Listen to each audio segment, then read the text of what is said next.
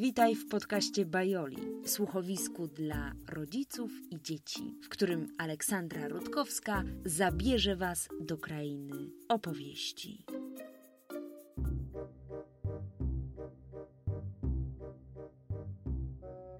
Jednego dnia przyszedł biedny chłop do bogatego chłopa i poprosił go o kawałek mięsa.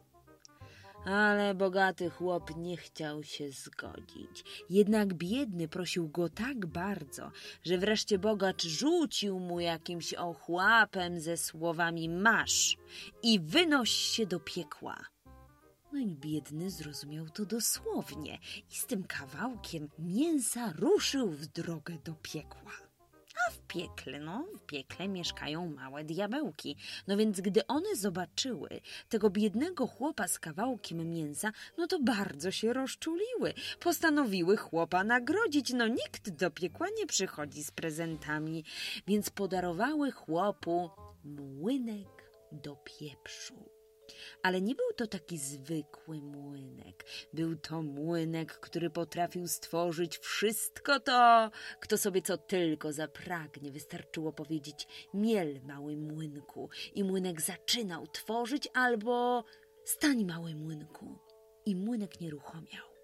Jak każdy zwykły młynek więc chłop bardzo ucieszył się z takiego prezentu. Wrócił więc do swojego domu, usiadł w starej chałupie i tak myśli sobie. W dachu dziura, nieraz kapie mi na nos młynku, zmiel mi przepiękny dom. I młynek zaczął mielić i wkrótce powstał przepiękny dom z pięknym czerwonym dachem, w środku cały wysłany marmurem i złotem. Mm, Chłop był bardzo zadowolony. I kiedy tylko młynek skończył swoją robotę, wtedy chłop powiedział: Stań, mały młynku. I młynek znieruchomiał, jak każdy zwykły młynek. Po jakimś czasie chłop pomyślał, że przydałoby mu się trochę więcej pieniędzy, więc rzekł do młynka: Młynku, zmiel mi pieniądze. I młynek zaczął mielić i mielił i mielił, i wkrótce wszystkie szafy i wszystkie szuflady w domu chłopa wypełniły się pieniędzmi po brzegi. A kiedy chłop stwierdził, że już mu wystarczy tych pieniędzy, wtedy powiedział: Stań, mały młynku, i młynek znieruchomiał, jak każdy zwykły młynek.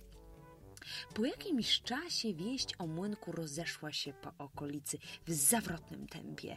Wszyscy mówili o młynku, o zaczarowanym młynku i ta wiadomość dotarła też do tego bogacza, co to kiedyś nie chciał się podzielić z tym biednym jedzeniem. No i ten bogacz przyszedł z workami pełnymi pieniędzmi po to, by wykupić młynek. I ten dawniej biedny chłop zgodził się ale nie powiedział bogaczowi ważnej rzeczy. Nie powiedział mu, jak zatrzymać młynek. No więc bogacz zadowolony poszedł do swojego pałacu i zastanawiał się, co mógłby jeszcze tutaj sobie zażyczyć od młynka. Przecież miał już wszystko. I pomyślał, że ma przecież tyle służby, no trzeba ich wszystkich wykarmić. Młynku, zmiel mi ciasto na chleb dla mojej służby. I młynek zaczął mielić i mielił i mielił, namielił tyle ciasta, że mógłby wykarmić całą swoją służbę przez wiele tygodni. I wtedy bogacz chciał, żeby się młynek zatrzymał, ale nie wiedział, jak go zatrzymać. I młynek cały czas mielił ciasto i mielił i mielił i namielił tego ciasta tyle, że wkrótce cały pałac wypełnił się ciastem po brzegi i ciasto zaczęło oknami wylewać się na pola, na których pracowali ludzie i nawet to nie powstrzymało młynka przed dalszym mieleniem. Chłop musiał pobiec po tego, co mu młynek sprzedał, a i wiele mu jeszcze musiał dopłacić, by ten zgodził się, by przyjść i zatrzymać młynek zabrał go ze sobą. I jednego dnia o młynku dowiedział się marynarz. Zechciał on mieć taki młynek na statku i wykupił go za wiele, wiele tysięcy monet.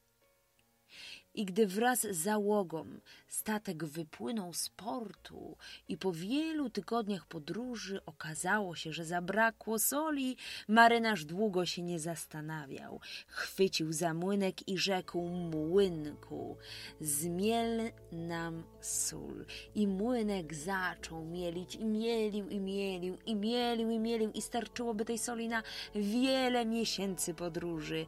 I w pewnym momencie marynarz zorientował się, że nie potrafi młynka zatrzymać. I młynek cały czas mielił i mielił i namielił tej soli tyle, że wkrótce cały statek wypełnił się solą po brzegi. Załoga myślała, że zaraz zatoną, ale wtedy marynarz chwycił młynek i wyrzucił go za burtę.